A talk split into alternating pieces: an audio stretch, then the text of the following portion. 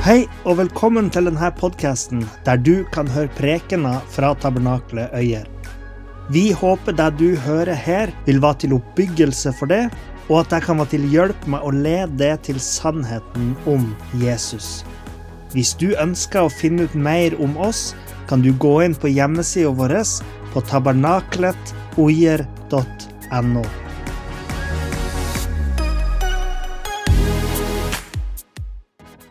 I dag er det jo palmesøndag.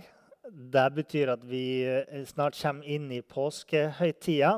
Og Derfor så kommer vi i dag ganske passende inn på de profetiene som har med påskehøytida å gjøre. Og Vi har jo tidligere sett på at det var profetier som handla om hvordan man kunne gjenkjenne at Messias skulle komme. sant? Eh, og sånn som i Daniel 9 så leste vi om at profetene forutså og tidspunktet Messias skulle komme på. Og eh, Daniel han forutså den dagen da Jesus rei inn i Jerusalem og ble hylla som deres Messias. Da folk i Jerusalem ropte Hosianna, Davids sønn. Eh, og det finnes en eh, profeti om det her som jeg sparte til i dag fordi det er palmesøndag i dag. så jeg tenkte det passet.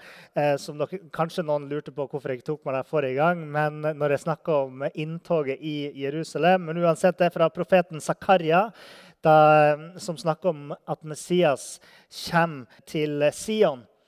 Og Det står i Zakaria kapittel 9, eh, vers 9. Der står det Fry deg stort, Sions datter. Bryt ut i jubel, Jerusalems datter. Se, din konge kommer til deg. Han er rettferdig og kommer med frelse. Ydmykt og ridende på en eselfole. Eh, så hvorfor fryda folk seg og ropte Hosianna, Davids sønn, i Jerusalem på palmesøndag? Fordi Jesus kom ridende inn på et esel inn i Jerusalem som Messias. Så Zakaria eh, hadde sett et glimt av palmesøndag. Den palmesøndagen som vi minnes i dag. Men i Jerusalem så kom Jesus òg til å møte et folk, sitt eget folk, som ville vende han ryggen. Det var mye glede på palmesøndag. Men Jesus reid òg inn mot lidelsens vei via Dolorosa. Og fordi hans lidelse, død og oppstandelse leda opp til høydepunktet i Jesu jordlige liv, så er dette et tema som vi finner kanskje over 50 profetier om. Så vi har profetier om at han ville bli forrådt av en venn at han ville bli forlatt av disiplene sine, at han ville bli forakta av folket sitt, avvist av jøder og hedninger, at han ville få falske anklager mot seg, at han ville bli korsfesta osv. Så, eh, jeg kommer ikke til å ta alle profetiene, men jeg har prøvd å gjort et utvalg. Så skal vi vandre fra palmesøndag og inn mot langfredag gjennom de her profetiene. Det er pga. alle disse profetiene om lidelsen til Messias at Jesus sa til disiplene sine på veien til Emmaus eh, i Lukas kapittel 24, vers 25 og 26. Hvor uforstandige dere er og trege av hjerte til å tro alt det profetene har talt. Måtte ikke Kristus, eller Messias, lide alt dette og så gå inn i sin herlighet? Det var derfor Paulus vitna i synagogene rundt omkring eh, der han gikk, og sa, som i Apostelens gjerninger 17,3, eh, idet han forklarte og beviste at Kristus måtte lide og stå opp igjen fra de døde. Og han sa, Paulus sa, 'Denne Jesus som jeg forkynner dere, han er Messias.' Og det var det som gjorde at Peter skrev i 1. Peters brev, kapittel 1, vers 10 og 11. Om denne frelsen har profetene grundig undersøkt og gransket, de som profeten, profeterte om den nåde som skulle komme til dere, idet de gransket etter hvilken eller hva slags tid Kristi ånd som var i dem, viste til da han på forhånd vitnet om Kristi lidelser og herlighetene som skulle følge deretter. Så i etterkant så hadde apostlene forstått ja, Messias måtte lide. Så la oss se på noen av de her profetiene. En av de mest velkjente eh, scenene i påskefortellinga er jo nattverdsmåltidet, eller det siste måltid som Jesus hadde sammen med disiplene sine. Og under dette måltidet så skapte jo Jesus litt dårlig stemning, i hvert fall for én av disiplene. Eh, Jesus visste nemlig at en av disiplene hans kom til å forråde ham. Eh, og der sa han òg en av dere skal forråde meg under dette måltidet. Så litt stem, eh, dårlig stemning for i hvert fall én av dem. Og mens han sa det her, som vi kan lese om i Johannes 13, 18, så siterte han Salme 41, vers 10 der det står Selv den mann jeg hadde fred med, som jeg stolte på, som spiste mitt brød, har løftet sin hæl imot meg. Jesus brukte altså dette verset fra Salme 41 eh, om sin egen situasjon, om at han ble forrådt av en av sine nærmeste venner. Og siden jeg skal bruke litt tid på flere forskjellige salmer i dag, så vil jeg bare si noen ting om sånne kritiske innvendinger mot bruk av salmer. Fordi det er en del kritiske teologer som, som er skeptiske til å bruke salmene som profetier. Og de vil si at både Jesus og apostlene, evangelistene, bruker litt sånn litt vel eh, hva skal man kalle det, kreative tolkninger av salmene. Men Salmenes bok siteres eller henspilles på ca. 140 ganger i Det nye testamentet. Eh, og ofte tolkes salmer som profetisk av både Jesus og forfatterne i Nytestamentet. Og Hvis vi ser på forfatterne av salmene, så er det jo ikke så rart, fordi at mange av de er jo skrevet av eh, store profeter, sånn som Moses og David og Asaf og Salomo osv. Men ikke bare var salmene eh, ikke bare tolkes de profetisk i Det nye testamentet, eller har forfattere som sjøl var profeter, men for noen tiår siden så var det en teolog. Han heter Gerhard Wilson, så dette er ikke min teori. Men han slo høl på denne kritiske ideen om at salmene bare er en sånn der sammensurium av eh, salmer som bare er slengt sammen i ei bok med litt sånn, sånn hulter til bulter, tilsynelatende Messias-profetier.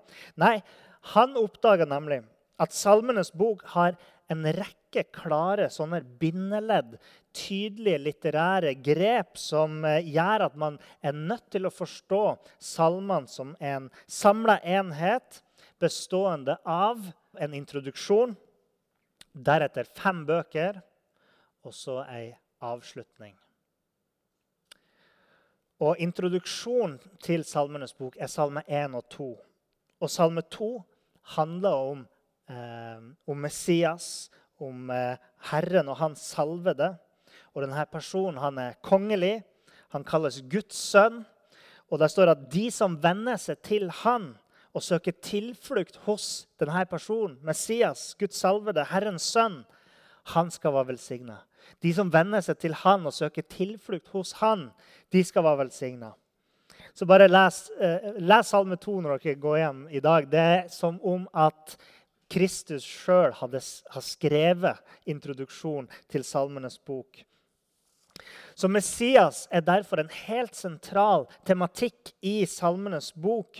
Og, og Salmenes bok ønsker å tegne et bilde av den kommende Messias. Så Jesus siterer da Salme 41 i forbindelse med at han ble forrådt.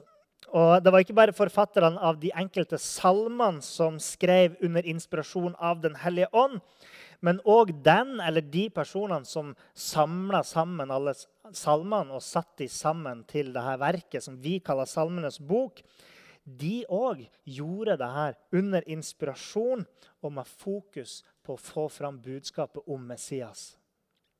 Okay? Så ikke bare de enkelte forfatterne, men òg de, eh, de, som var redaktørene. De som samla de og satte de sammen. Så de bygde de opp sånn at Messias er den som kommer tydelig fram. Salme 109 blir òg brukt i Det nye testamentet som en typologisk profeti om sviket mot Messias. En eh, typologisk profeti jeg snakker om det i introduksjonen i serien. som ligger på nettet. Eh, det vil si at personer eller opplevelser som personer har, på ulike måter peker framover mot Messias. Eh, som f.eks. at ulike sider ved Davids liv og historien om David får sin endelige oppfyllelse i Messias, nemlig Jesus. Sånn at det er, det er, liksom eh, noen ting der som peker framover mot Messias.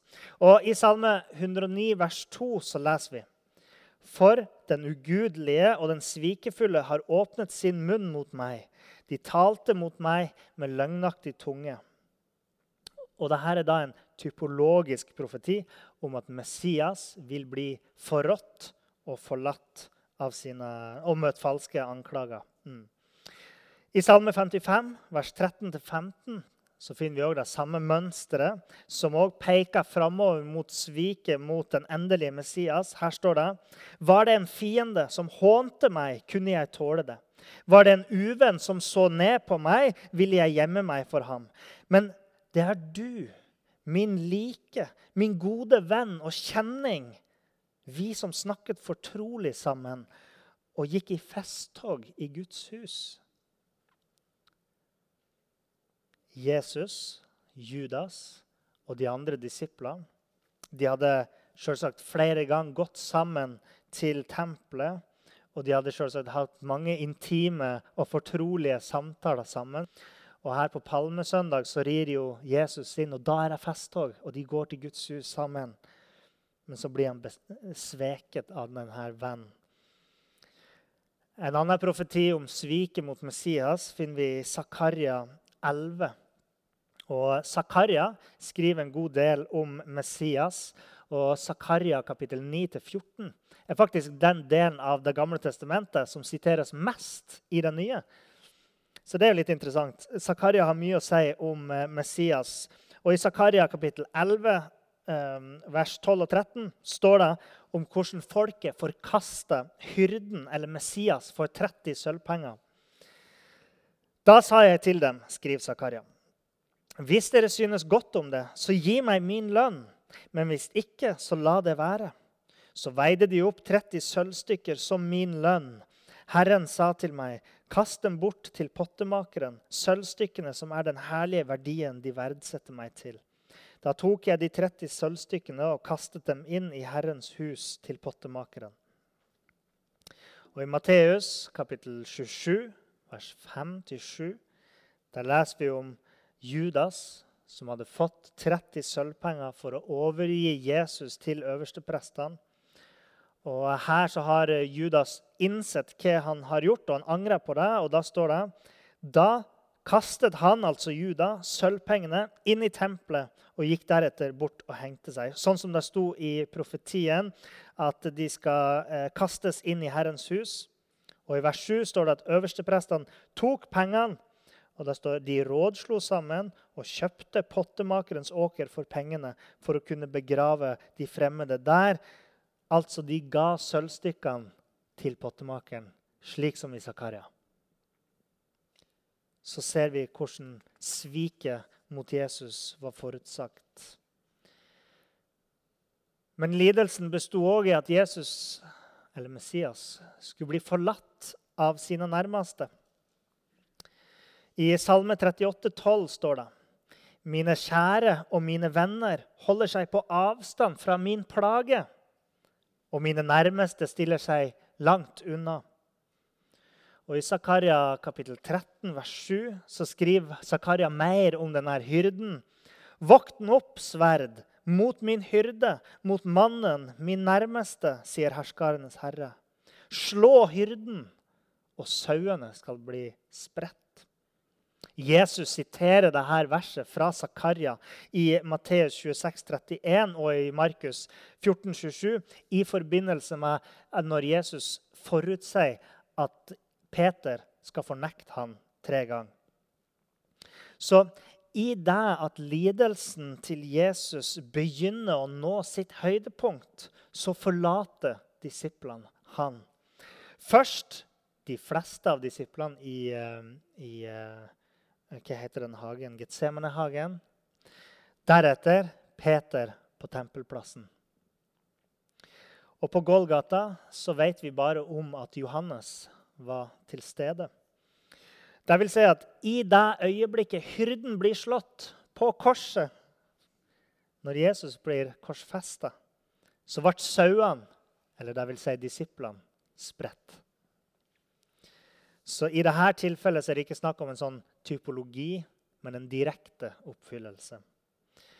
Messias han ville ri inn i Jerusalem på et esel. Han ville bli eh, hylla som den kongelige Messias, men han ville òg bli forrådt av en nær venn for 30 sølvpenger. Han ville bli forlatt av sine venner eh, når han kom til å gå gjennom lidelse. Hvem høres dette ut som? Hvem høres det ut som? Samfunnsledere på Jesu tid, sånn som fariserene, sadukerene, herodianerne og øversteprestene osv., de forsøkte jo i lang tid, egentlig helt fra begynnelsen av Jesus' sin tjeneste, eh, å få han dømt for de tingene han sa, og få stoppa Jesus. Pilatus han rådslo med de jødiske lederne om hva han skulle gjøre med Jesus. Og han sendte til og med Jesus til kong Herodes, den jødiske kongen, i håp om at Herodes ville avgjøre denne saken for ham. Og Det var profetert at Messias skulle ikke si noe imot de her anklagene som kom imot ham. I Salme 38, vers 13 og 14 står det De som ønsker livet av meg, legger snarer for meg. Altså De prøver å, å, å fange han, eller stoppe han. De som søker det som er ondt for meg, snakker om ødeleggelse, og svik taler de hele dagen lang. Men jeg er som en døv, jeg hører ikke. Jeg er som en stum som ikke åpner sin munn. Og i Jesaja 53, 7, Han ble mishandlet og fornedret. Likevel åpnet han ikke sin munn. Lik et lam ble han ledet bort for å slaktes. Slik en sau tier mens den klippes, åpnet han ikke sin munn. Altså, Sjøl om Messias ville bli slått og mishandla og sveket av sitt eget folk og sine venner, så ville han ikke gå i forsvar. Les om denne rettssaken hvis man kan kalle det en rettssak, mot Jesus i Markus kapittel 14. Eh, der står det i vers 60 og 61. Øverstepresten reiste seg midt iblant dem og spurte Jesus, 'Svarer du ikke noe?' Hva er det disse vitner imot meg? Fordi det var mange som hadde lagt fram vitnesbyrd mot Jesus, som var vitner der mot han. Men Jesus han tidde og svarte ingenting. Og I Matteus kapittel 27, vers 12 og 14 står det om denne samme episoden. Mens han ble anklaget av øversteprestene og de eldste, svarte han ikke noen ting. Da sier Pilatus til ham, denne romerske landshøvdingen, Hører du ikke alt det de vitner mot deg? Men han svarte ham ikke med et eneste ord, så landshøvdingen undret seg veldig. Jesus visste hva som måtte komme. Han sto og tok alle de her anklagene uten forsvar fordi han var på vei til å bære våre synd og vår skyld. Hvis Jesus hadde begynt en sånn der mesterfull forsvarstale, som vi vet veldig godt at Jesus var i stand til å gjøre. Han kunne ha satt motstanderne sine fast hvis han ville det. Så kunne han helt sikkert ha, ha, ha kommet seg ut av denne situasjonen òg. Han var jo Guds sønn. Men de her anklagene de kom med, de var ingenting for han. Ingenting i forhold til den straffen han skulle til å bære. Ingen mengde med falske anklager eller eh, eller alt de kunne ramse opp imot Jesus. Ingenting hadde, vært, eh, hadde stått i forhold til den, eh, den skylden som Jesus måtte bære. Fordi Selv om Jesus var uten synd, så gikk han opp til korset for å bære all vår synd. Straffen for vår synd ble lagt på han. Han led for oss. Og Vi skal snakke mer om det neste søndag når vi skal snakke om hans døde oppstandelse. Men poenget her er at profetene forutså at Messias ville bli anklaga og få falske anklager imot seg. Eh, og det så de mange århundrer før det ble oppfylt i Jesus. Messias måtte ikke bare ta imot falske anklager, men han ble òg mishandla, som vi leste om her i stad. Eh, og han måtte ta imot hån og spott. I Salme 109, vers 25, står det Ja, jeg er blitt til spott for dem. Når de ser meg, rister de på hodet. Matteus rapporterer om denne eh, hendelsen når Jesus hang på korset og folk gikk forbi. Det står i Matteus 27, vers 39. De som gikk forbi, spottet ham og ristet på hodet. I Salme 22, en velkjent messiansk salme, står det i vers 8 og 9. Alle som ser på meg, spotter meg. De åpner munnen på vidt gap. De rister på hodet og sier, 'Han stolte på Herren. La ham redde ham.' La ham utfri ham, altså la Gud utfri ham, siden han har behag i ham. Og Uttrykket 'de lukker munnen på vidt gap' Kanskje noen av dere vet det, men det, det handler om at de ler. De smiler og ler. Så det betyr at det er snakk om latterliggjøring her. Matteus skriver om det som oppfyller denne profetien i Matteus 27, vers 41-43. På samme måte spottet også øversteprestene sammen med de skriftlærde og de eldste og sa han frelste andre, seg selv kan han ikke frelse. Hvis han er Israels konge, la ham nå komme ned fra korset, og vi skal tro ham. Han har satt sin lit til Gud. La ham utfri ham hvis han vil ha ham. For han sa, 'Jeg er Guds sønn'. Så noen av ordene her er nesten helt like som i Salme 22. Der de her tekstene òg viser oss, er at Jesus ville bli avvist og forkasta. I Salme 118, 22 står det et kjent vers. Steinen som bygningsmennene forkastet, er blitt hovedhjørnesteinen. I vers 26 i denne salmen, det var der Eh, profeten profeterte om at folket i Jerusalem en dag skulle rope ut 'Velsignet være Han som kommer i Herrens navn'. Og Det var jo det som skjedde på palmesøndag. Så det her står i samme salmen om denne steinen som skal bli hovedhjørnesteinen, den som hadde blitt forkasta. Og eh, denne steinen, hovedhjørnesteinen i Salme 118, skriver også Jesaja om, og Zakaria. Jesaja skriver i kapittel 28, vers 16.: Derfor sier Herren Gud dette. Se, jeg legger en stein til grunnvoll på Sion, en prøvd stein, en kostbar hjørnestein, en fast grunnvoll. Og så kan man lese videre utover der hvis man vil. Og I Zakaria kapittel 10, vers 4 står det fra Judas hus kommer hjørnesteinen, fra ham kommer teltpluggen, fra ham kommer krigsbuen. Fra ham utgår hver eneste hersker.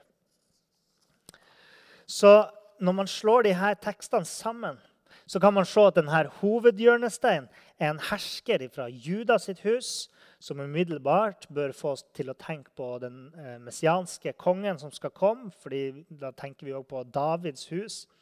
Han skal etablere et kongerike, så han er kongelig av rettferd og fred.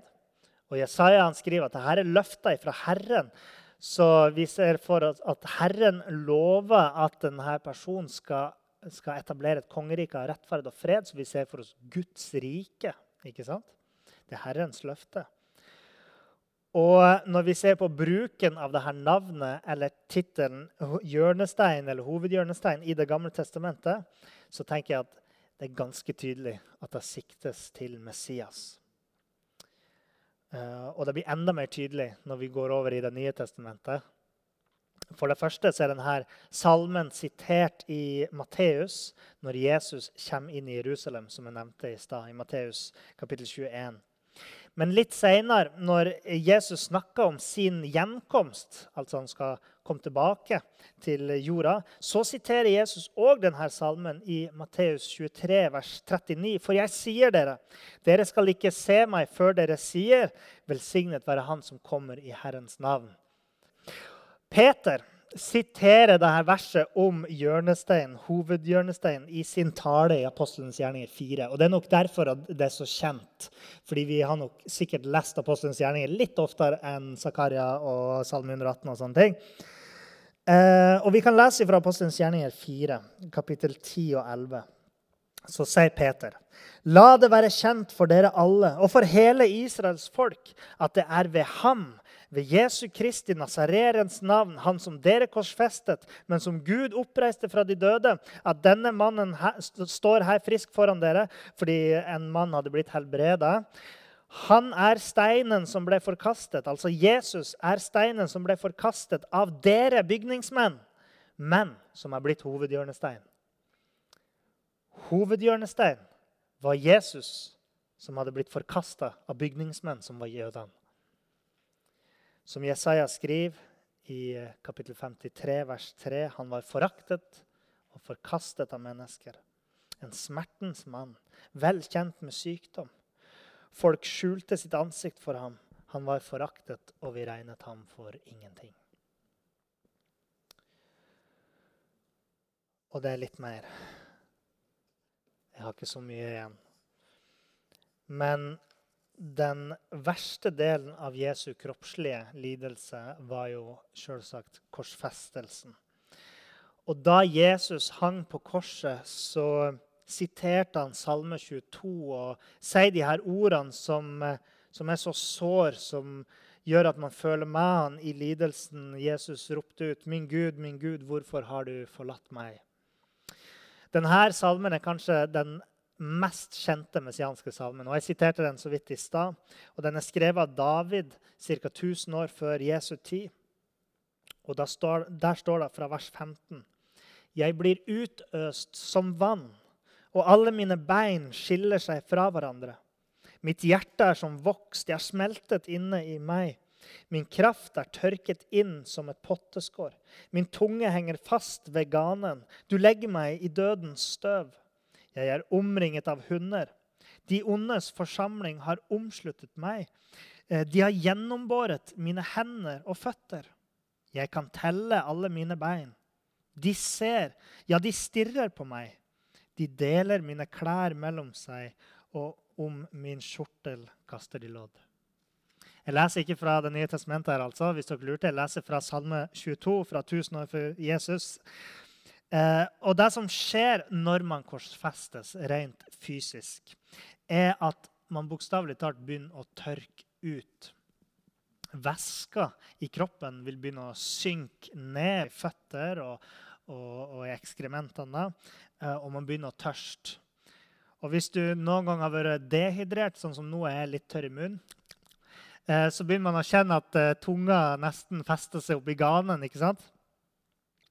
Eh, og Derfor så sa Jesus mens han hang på korset, 'Jeg tørster'.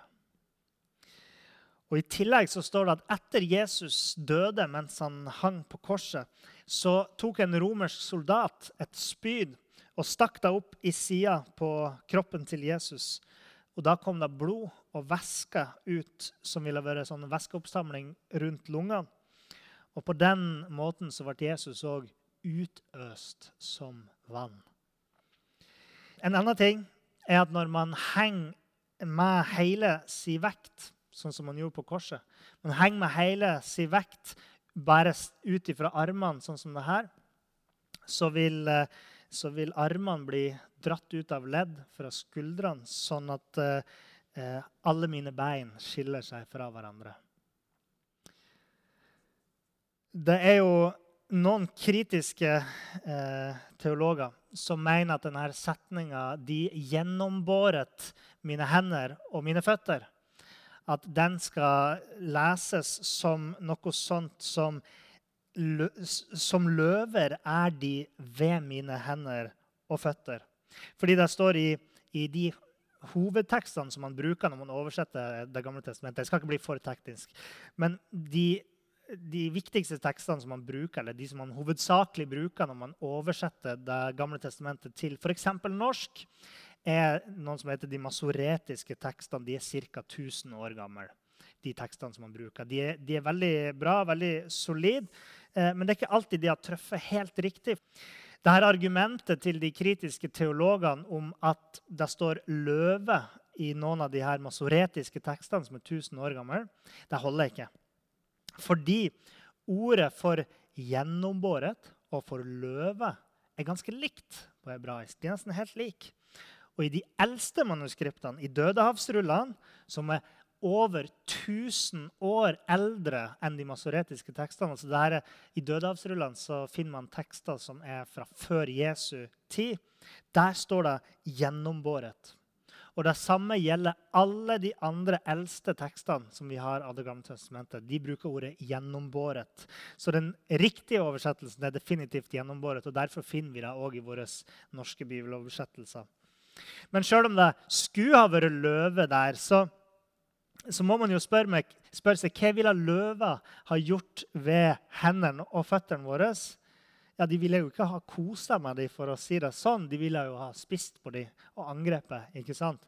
Og tennene ville ha gjennombåra hender og føtter. Så vi kunne ha brukt det òg, men, men, eh, det er ikke løver, det er gjennombåra. Så Uh, en annen innvending forresten, er at uh, noen vil uh, kanskje si Og det her er folk som ikke er veldig teologisk av seg. De kan si noe sånt som Hæ! Se, det står at hendene er gjennombåra. Men alle vet jo at når romerne korsfester folk, så gjennombåra de håndleddene. Men tingen er at på hebraisk så hadde de bare ett ord for hele denne delen. Så håndleddet var Hanna. De hadde ikke et teknisk begrep for håndledd. De sa bare Hanna. Så det er fortsatt helt riktig. Så profetien passer fortsatt Jesus på en prikk. For å fremskynde døden under en korsfestelse så kunne romerne noen gang brekke beina på de korsfestede, sånn at døden skulle gå fortere, og at de skulle kveles raskere eh, under, av, eh, nei, under sin egen vekt. Eh, og det gjorde jo romerne med de her røverne på korsene ved siden av Jesus. Grunnen til at de brekker beina, er at da greier man ikke lenger å heve kroppen opp. Og det er kampen som skjer på korset. Det er at man så lenge har energi, så vil man prøve å løfte seg opp for å få frie luftveier, fordi presset over brystkassen er til slutt så stort at man rett og slett kveles av det. Så knekt i beina, så har man ikke den muligheten. Derfor dør man ganske fort. Eh, men de gjorde ikke det med Jesus. Og Derfor ble heller ikke beina hans brutt. Og det er det som menes med denne setninga 'Jeg kan telle alle mine bein'. Ingen bein ble brutt når Jesus døde. Og så står det at han var omslutta av onde mennesker. Dette skjedde òg da Jesus eh, var korsfesta. Eh, og de sto rundt han, både øversteprestene og, og eh, romerne og folket. Og det var som om, som om han var omringa av okser, løver, hunder, som Salme 22 skriver om. Det Salme 22 vil få fram, det var at de her folkene som sto rundt og så på at Messias døde, de var som én flokk. Og I Det nye testamentet så leser vi om hvordan de her forskjellige folkene slo seg sammen i sin spott og i sitt hån mot Jesus. Og så er det nok en profeti som eh, ble oppfylt under korsfestelsen her i Salme 22, nemlig det som står i Johannes 19, vers 23 og 24. Da soldatene hadde korsfestet Jesus, tok de klærne hans og delte dem i fire deler, én del til hver soldat. De tok også kjortelen, men kjortelen var uten søm, vevd fra toppen i ett stykke. Derfor sa de til hverandre, la oss ikke rive den i stykker, men kaste lodd om den for å se hvem som skal ha den. Så kommenterer da Johannes at det her var en direkte oppfyllelse av Salme 22. Denne salmen beskriver altså en person som dør. Sånn ender det i Salme 22. Han, han dør. Eh, men det er måten denne personen dør på, som er avgjørende, og som gjør det mulig for oss å identifisere hvem denne personen er. Fordi det som tilfeldigvis passer denne beskrivelsen av død i Salme 22, er nettopp korsfestelse. En henrettelsesform som ikke ble oppfunnet før mange århundrer etter at salmen ble skrevet, så beskriver han Så David fikk et syn, et vagt bilde, av en person som døde sånn og sånn og sånn. Han så tørsten. Han så folket rundt der. Han så hendene og føttene gjennombåra. Kanskje forsto han ikke helt hva han så, men han så Jesus. Eh, for det er det mest utrolige at dette passer perfekt med detaljene vi har om Jesu korsfestelse. Måtte ikke Messias lide alle disse tingene? spurte Jesus disiplene. Hva mente han? Jo, måtte ikke Messias gå gjennom alle de spesifikke lidelsene som Jesus gikk igjennom? Jo, han måtte bli forrådt for 30 sølvpenger. Han måtte bli forlatt av sine nærmeste. Han måtte stå og være stille mens det hagla med falske anklager mot han. Han måtte ta imot spott og hån. Han måtte bli forkasta av sin, sitt eget folk. Han måtte bli korsfesta fordi det var forutsagt. Fordi dette var Guds plan. Fordi Guds ånd hadde allerede sagt det her til mennesker, som hadde skrevet det ned på forhånd. At Gud sjøl skulle komme ned i verden og ta lidelsen på seg sjøl og bære skylda og bære synden for oss, sånn at vi kan bli frelst. Vi skal jo snakke mer om denne lidelsen på en måte neste uke, for vi skal òg ta med Messias sin død eh, og snakke mer om det eh, neste søndag. Men det som er fantastisk med Jesus sin lidelse, eller Messias sin lidelse, er at den lidelsen gir oss håp.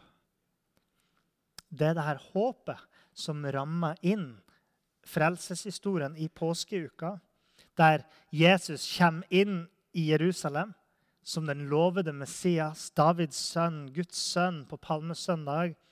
Og han viser seg som den gjenoppståtte Guds sønn, frelseren, på, nei, på påskedag. Mellom de her to øyeblikkene av, håp, palmesøndag og påskesøndag, så er det utrolig stor lidelse. Det er lidelsens og smertens vei imellom.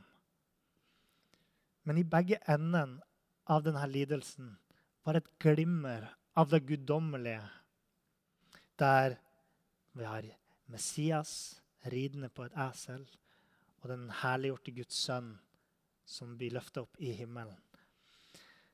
Og det er troen på Jesus og det han har gjort for oss, som er kilden til evig liv.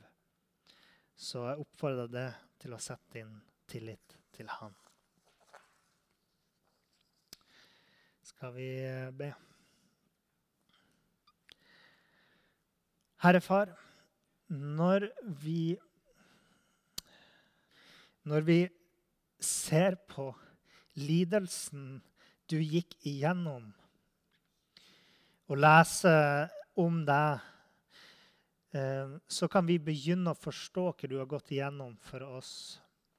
Eh, Sjøl for oss så ville det vært vanskelig å bære det du gjorde, men, men vi vet at bak liksom det ytre, det, bak det, det menneskelige, så var det en, en en smertefull åndskamp, en lidelse der du, der du vant over dødens makt, Herre. Eh, der du måtte bære straffen for oss. Vi kan ikke forstå det, eh, men vi kan eh, takke det. Og vi kan tilbe det for deg, og vi kan følge det for det du har gjort. Fordi vi vet at du sto opp igjen. Du viste det som Herre. Far, jeg bare ber for alle de som enda ikke har forstått eh, hvem du er, som ikke har forstått at lidelsens problem har funnet sin løsning i Jesu lidelse. Far, jeg ber om at du skal åpne øynene til mennesker. Styrk oss når vi møter mennesker i bygda, sånn at vi kan få lov til å fortelle de gode nyhetene om påsken, om det du har gjort, om den herlige far som du er, som elsker oss, og som ønsker å frelse oss. I Jesu navn. Amen.